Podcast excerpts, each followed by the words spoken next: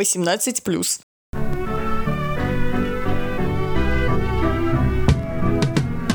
Это подкаст «История белорусского секса» от проекта «Альтернативный музей». Здесь мы опровергаем мифы непорочности белорусских селян и рассказываем об эротике, об их повседневной жизни.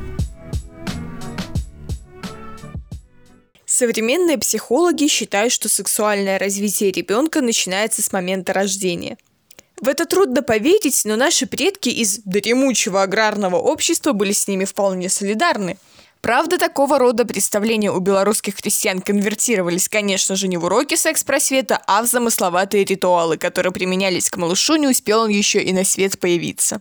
Вот, например, традиции витебщины. Ох уж эти витебчане-затейники, чего только не напридумывали. Например, новорожденную девочку надо было завернуть в мужские штаны, причем обязательно в штаны ее папки. Как вы думаете, зачем? Ну, чтобы парни любили. А вот мальчиков надо было укутать в мамину сорочку, чтобы любили, соответственно, девушки. Регламентировалось даже обрезание пуповины – Пуповину необходимо было резать на расстоянии ровно трех пальцев от перевязи. Ни больше, ни меньше. Иначе у новорожденного мальчика будет слишком короткий член. Зато девочкам, наверное, ничего не угрожает. Ага, как бы не так. Девочки рискуют стать слишком похотливыми. Поэтому помните, три пальца. По поводу купания. Когда купали новорожденную девочку, в воду обязательно надо было опустить деньги или перстень. А воду после купания надо вылить за порог, чтобы девочка вышла замуж и была богатой и счастливой в браке.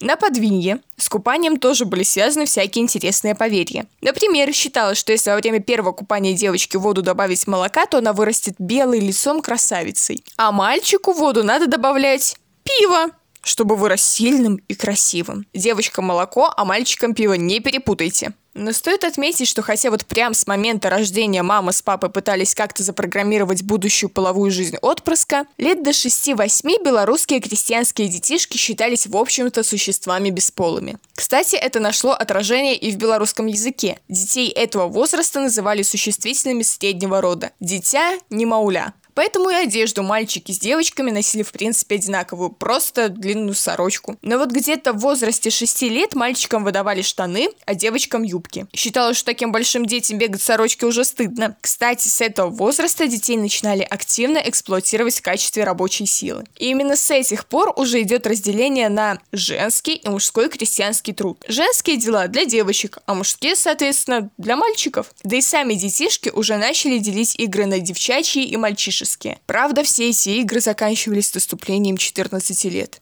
брачного возраста. Вот мы тут все осуждаем ранние браки, а между прочим, брачным возрастом у белорусских христиан считался где-то промежуток с 14 лет до 21 года. Но надо отдать им должное, обращали внимание не только на, скажем так, физиологическую зрелость, но и на психологическую и социальную. Правда, иногда путали одно с другим. Вот, например, если у девочки рано по сравнению со сверстницами начала расти грудь, ну все, жди пересудов от соседей. Такое обстоятельство в их воображении могло свидетельствовать о двух вещах. Во-первых, что мать зачала такую девочку вне брака. Во-вторых, что эта девочка невинность до брака точно не сохранит. Ну а что вы хотите? Ведь какова мать, такова и дочь. Если девочка в принципе начала рано развиваться, рано начала расти грудь, появились волосы на всяких местах, где их раньше не было, и начались месячные, то это по представлению добрых соседушек до добра точно не доведет. В браке такая девица счастлива не будет, с мужем любви и не видать, как и детишек здоровеньких. А если девочка, скажем так, созрела относительно поздно, то это считалось показателем будущей хорошей жены и хозяюшки, но,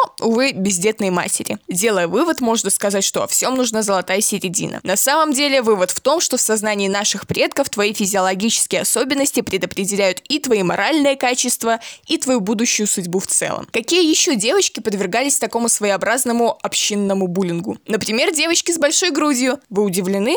Ну, мы же сказали про золотую середину. Вот вам, кстати, такой забавный народный стишок. Мой же татулечка, продай же ты коровочку, купи мне штуровочку, а з мяне мальцы смеются, что у меня сиськи трясутся, а з мяне мальцы бурчать, что у меня сиськи торчать. Шнуровочки шнуровочками, а правда, что делать, если недовольна размером груди? Есть магические средства. Если девушка считает, что у нее слишком большая грудь, то не было ничего эффективнее, чем смочить грудь водой, в которой обмывали покойника. Что касается увеличения груди, то тут могло могло помочь обильное потребление всяких круглых овощей, которые предварительно надо было подержать возле голого тела. Ну что ж, девочки, если вы уже записали себе эти рецептики, давайте вернемся к брачному возрасту и задумаемся. Так когда конкретно все-таки вступать в брак? Все-таки промежуток с 14 до 21 довольно большой период. Во-первых, стоит оговориться, что даже эти рамки 14-21 весьма условны. И в каждом регионе брачный период определялся на свой вкус.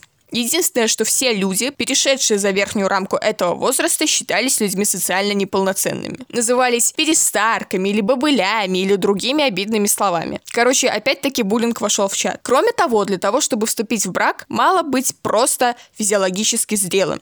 Надо было уже наловчиться справляться с домашним хозяйством. Иначе куда тебя женить, если ты с господаркой справиться не можешь, ну в самом деле? Так, с брачным возрастом более-менее разобрались. Но вот вопрос, действительно ли между половозрелыми парнями и девчонками не было никакого взаимодействия до брака? Что, прям совсем-совсем никаких контактов? Никакой эротики? Как бы не так. Юноши и девушки на самом деле довольно активно проводили время вместе. Гулянки, вечерки, совместные праздники с песнями и плясками. Весь этот молодежный досуг чаще всего имел обрядовую функцию, по крайней мере первоначально. Пожалуй, самая известная игра, которая просто пропитана подростковой эротикой, это «Жанись, батярешки». В этой игре участвовали неженатые молодые люди и незамужние девушки. Проводилась эта игра, как правило, в деревенской корчме, ну, потому что приличные люди не хотели принимать у себя дома такой разврат. Из числа участников сначала выбирались батька и матка, которые должны были женить девушек и юнош. И так молодые люди выбирали себе невест на время игры. Причем девушки не могли отказать, не принято было. Первый этап игры, когда девушки разбегаются, а парни пытаются догнать своих невест.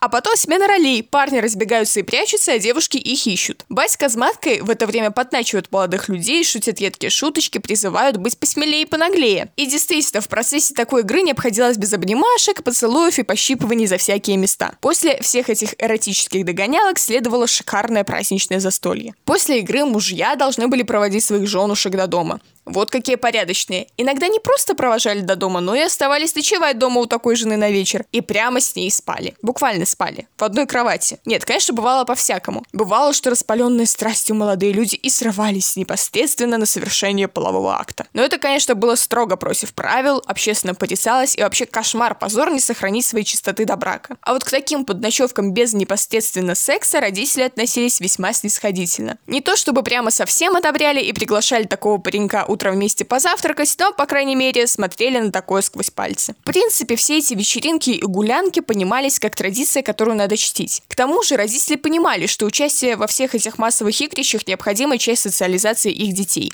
А как же еще найти себе мужа, скажите, пожалуйста? Тут главное случайно не потерять венок. Что? Какой венок? Венок – это символическое обозначение девичьей чести. Об этом мы с вами уже говорили в предыдущем выпуске подкаста. Помните наш любимый праздник Купалье? Да-да, тот языческий праздник, который церковь так и не смогла побороть, так он был любим молодежью. Вот там как раз и фигурируют эти самые венки, которые девушки либо пускают по воде, и потом юноши должны эти венки ловить, ну, либо бросить в костер. Чей венок первый сгорит, та первая выйдет замуж. А если какой-нибудь паренек выхватит выхватит венок девушки из костра, то она должна за него выйти замуж. Кроме потерянного венка, утрату невинности еще могли символизировать, например, намоченный фартук или расплетенная коса. Поэтому, если вам попадется какая-нибудь фольклорная песенка или стишок, где фигурирует мамка, которая бьет свою юную дочь, с пристрастием расспрашивая, куда то дела венок, или какая-нибудь девица рыдает по намоченному фартуку, это все оно. Напомним, что в те далекие времена, когда со средствами контрацепции было туго, вообще-то их вообще не было, последствием такого вот разврата до брака была, конечно, беременность. Народное творчество донесло до наших дней такие вот веселые песенки. На улице шабор горыть, а у девушки живот болеть. Ой, женишок, ратуй, ратуй, колыбельку готуй, готуй. Кстати, именно в песнях-веснянках, которые исполнялись спустя 9 месяцев после купалья, часто присутствует сюжет о девушке с внебрачным ребенком. Ворон грача, сыр бяленький, девка плача, сын маленький. Ворон грача полететь, девка плача, не дедеть. Что интересно, иногда злобное общественное мнение могло возложить ответственность не на распутную девку, а на ее родителей, которые долго не выдавали несчастную замуж. Надо сказать, что опасность потери венка подстерегала девушку едва ли не на каждом шагу. Похотливые молодые люди, которые могли подкрасться к несчастной и изнасиловать прямо в поле или в лесу, это довольно частый сюжет фольклорных произведений. Причем особых различий между потерей венка по взаимному, так сказать, согласию или в результате изнасилования добрый социум как бы и не видел. Что так нечиста девка, что эдак. А теперь поговорим немножко о ксенофобии и разных социальных группах. В народном сознании особенную опасность для девичьей чести представляли не столько парни односеленные односельчане, сколько представителей других социальных групп, которые придут, да уйдут. Поматросит и бросит. В общем, обманут девку, соблазнят, испортят и деру. К таким неблагонадежным относились, например, казаки, русские солдаты, а еще представители знати. Ну какая может быть искренняя любовь пана к крестьянке? А еще опасность представляли внезапно священнослужители. Поэтому фольклор и сохранил кучу шуток-прибауток про похотливых попов и ксензов, которые исповедуют девку, но весьма своеобразными способами. Окей, мы с вами определились, кого следует опасаться. А кого же наоборот следует рассматривать в качестве потенциального спутника жизни? Ну, формула простая. Человека из той же социальной группы, той же религии, национальности и социального статуса. А еще, чтобы он был работящим, верным, добрым, состоятельным и веселым. Но где же найти такого идеального? Ну, для начала можно обратиться к гаданиям. Зимнее гадание на святке как раз самое точное. При определенном мастерстве можно вычислить и возраст, и достаток, и особенности характера, и внешние черты, и все-все-все про будущего мужа. Да даже дату свадьбы можно предсказать. Если же какой-то абстрактный женишок в будущем нас не устраивает, можем призвать на помощь магию, чтобы приворожить конкретного юношу. Что мы для этого можем использовать? Можем сжечь клок своих волос и пепел посыпать возлюбленному в еду или питье. Туда же можно добавить капли собственного пота или менструальной крови. На худой конец засушенный лист, который прилип в бане. Приятного аппетита. Так или иначе, все эти магические ухищрения должны были привести к одному – к браку, поскольку только человек, вступивший в брак и имеющий детей, считался социально полноценным. Да и единственный легальный вид секса – это секс в браке. Поэтому в следующем выпуске подкаста мы с вами будем говорить о заключении брака, свадебных ритуалах и сексуальном подтексте, который там ну буквально повсюду. Осторожно, возможно, вы никогда больше не сможете смотреть на свадебный тортик прежними глазами. Подписывайтесь на наш подкаст, чтобы не пропустить следующий выпуск, а также на инстаграм «Альтернативный музей».